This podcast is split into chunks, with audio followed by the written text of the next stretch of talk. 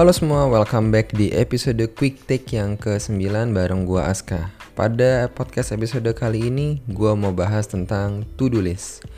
Ya, sesuatu yang simple tapi bila tidak direncanakan dengan baik justru malah membuat sesuatu menjadi lebih kompleks dari seharusnya. Maka tidak aneh bila banyak orang yang memilih untuk tidak memiliki to-do list. Gua pun sempat seperti itu.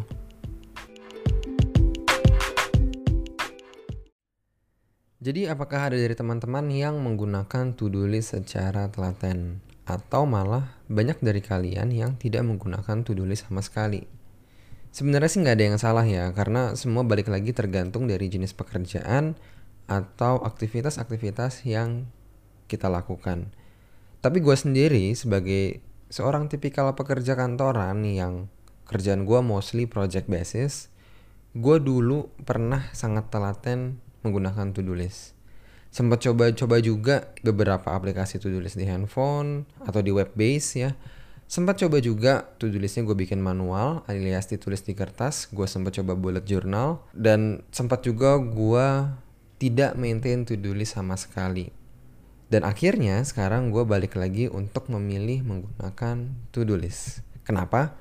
Karena dengan menggunakan to-do list, itu membantu gue untuk bisa lebih fokus dengan apa yang harus gue kerjakan.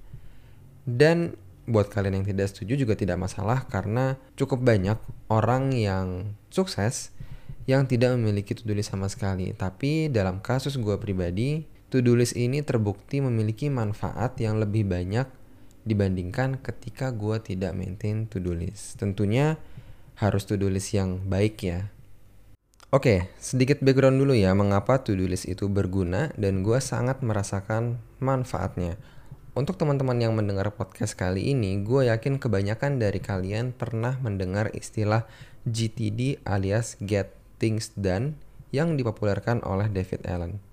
Buat yang belum familiar, GTD adalah metode time management yang tujuannya supaya kita bisa memfokuskan pikiran kita pada pekerjaan yang kita lakukan. Nah, Inilah yang gue rasakan pada saat gue menggunakan to-do list. Jujur aja, gue tidak sepenuhnya mengaplikasikan apa yang disarankan oleh David Allen. Saat ini pun gue masih terus bereksperimen dan mengkombinasikan to-do list gue dengan beberapa pendekatan lain seperti time boxing dan juga active passive scheduling. Nah, sekarang kita akan bahas artwork pada podcast kali ini.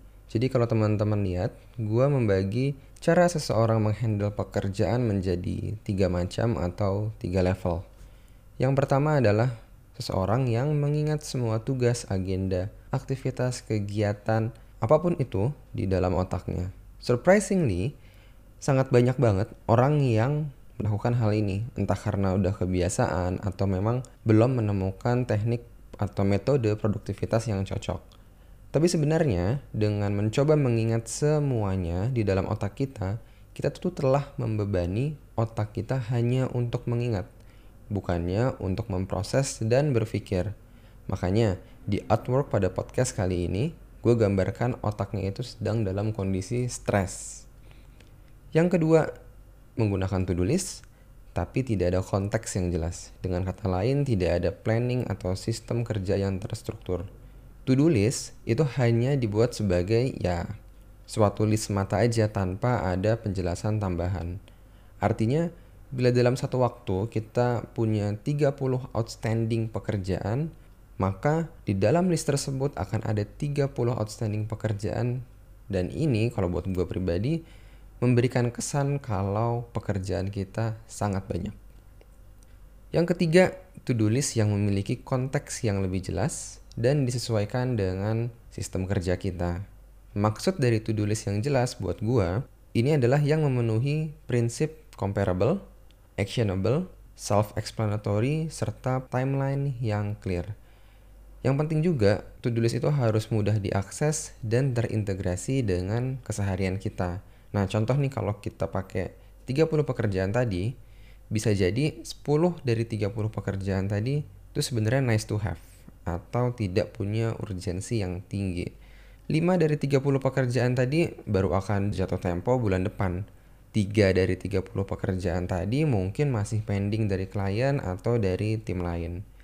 Artinya sisanya itu juga tidak harus diselesaikan pada hari yang sama dan kita bisa mengalokasikan ke dalam tiga hari ke depan based on urgensi dan prioritasnya.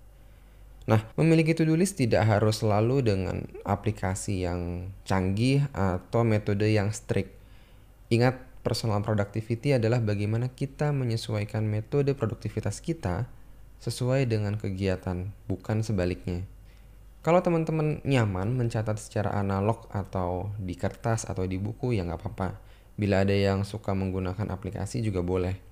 Kalau gue pribadi sekarang gue lagi mencoba mengkombinasikan aplikasi Todoist, gue punya notebook kecil juga, kemudian gue maintain kalender di handphone, dan juga ada Evernote. Pendekatan gue sekarang adalah dengan time boxing dan juga GTD. Nah, apa sih yang gue rasain sebelum dan setelah menggunakan to-do list. Tidaknya ada empat manfaat yang gue rasain. Yang pertama, gue bisa lebih fokus pada pekerjaan yang sedang gue lakukan. Dengan memiliki to-do list atau sesuatu untuk mencatat pekerjaan, ketika gue teringat sesuatu di otak gue yang tidak ada hubungannya dengan pekerjaan yang sedang gue lakuin, gue selalu bisa langsung mencatat hal tersebut. Jadi, gue tidak perlu pusing mengingat-ingat pekerjaan yang akan datang dan juga mengurangi potensi lupa. Kedua, pekerjaan berasa lebih manageable. Karena sejak awal gue sudah mencatat di to-do list pekerjaan apa saja yang harus dilakukan, maka gue bisa mereview next stepnya apa untuk setiap aktivitas yang akan gue lakukan. Ketiga, melindungi waktu gue untuk bisa benar-benar fokus melakukan pekerjaan.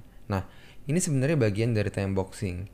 Jadi dengan mencatat to-do list di kalender, maka kita bisa memblok waktu kita. Artinya, tidak ada meeting itu bukan berarti kita available. Karena pada saat tidak ada meeting itulah kita punya kesempatan untuk benar-benar fokus melakukan pekerjaan kita. Dan keempat, masih relevan dengan poin sebelumnya, gue jadi punya deadline yang jelas. Jadi tanpa due dan alokasi yang jelas di kalender tadi, maka seakan-akan pekerjaan kita sehari-hari itu akan sangat banyak. Padahal bisa jadi tiap pekerjaan punya dudit yang beda-beda. Nah, to-do list bukannya tanpa kritik atau counter argument. Banyak orang justru merasa to-do list itu tidak efektif. Bisa entah karena metode atau sistemnya yang belum tepat, atau karena jenis pekerjaan yang sulit diukur, bersifat kualitatif, memiliki randomness yang tinggi, atau bahkan kompleksitasnya yang berubah-ubah, kadang terlalu tinggi, kadang terlalu rendah, sehingga sulit untuk dikomparasikan. Untuk negatifnya gue tidak akan bahas pada podcast kali ini. Oh iya, dengan memiliki to-do list bukan berarti waktu kita untuk bekerja atau beraktivitas akan berkurang drastis. Malah bisa jadi sama atau mungkin kadang jadi ada ekstra waktu tambahan untuk mereview to-do list kita. Tapi gue mau menekankan sekali lagi, manfaat yang paling besar yang gue rasakan adalah ya dengan memaintain to-do list ini akan mengurangi stres dan membuat gue lebih fokus karena otak gue tidak dipenuhi dengan pekerjaan-pekerjaan yang seharusnya tidak perlu dipikirkan pada saat gue melakukan suatu aktivitas. Jadi kesimpulan pada podcast kali ini, to-do list yang baik terbukti membantu gue untuk bisa lebih fokus baik di dalam pekerjaan gue di kantor maupun di kehidupan gue sehari-hari. Cuma sekedar punya to-do list aja tidak akan efektif. To-do list yang baik baru akan bermanfaat bila kita bisa mengintegrasikan to-do list yang kita punya dengan cara kita bekerja, pekerjaan kita, aktivitas kita, dan juga kehidupan kita sehari-hari. Artinya, perlu dilakukan penyesuaian secara berkala. So, itu aja yang bisa gue share di podcast kali ini. Semoga bisa bermanfaat untuk teman-teman semua. See you di podcast selanjutnya.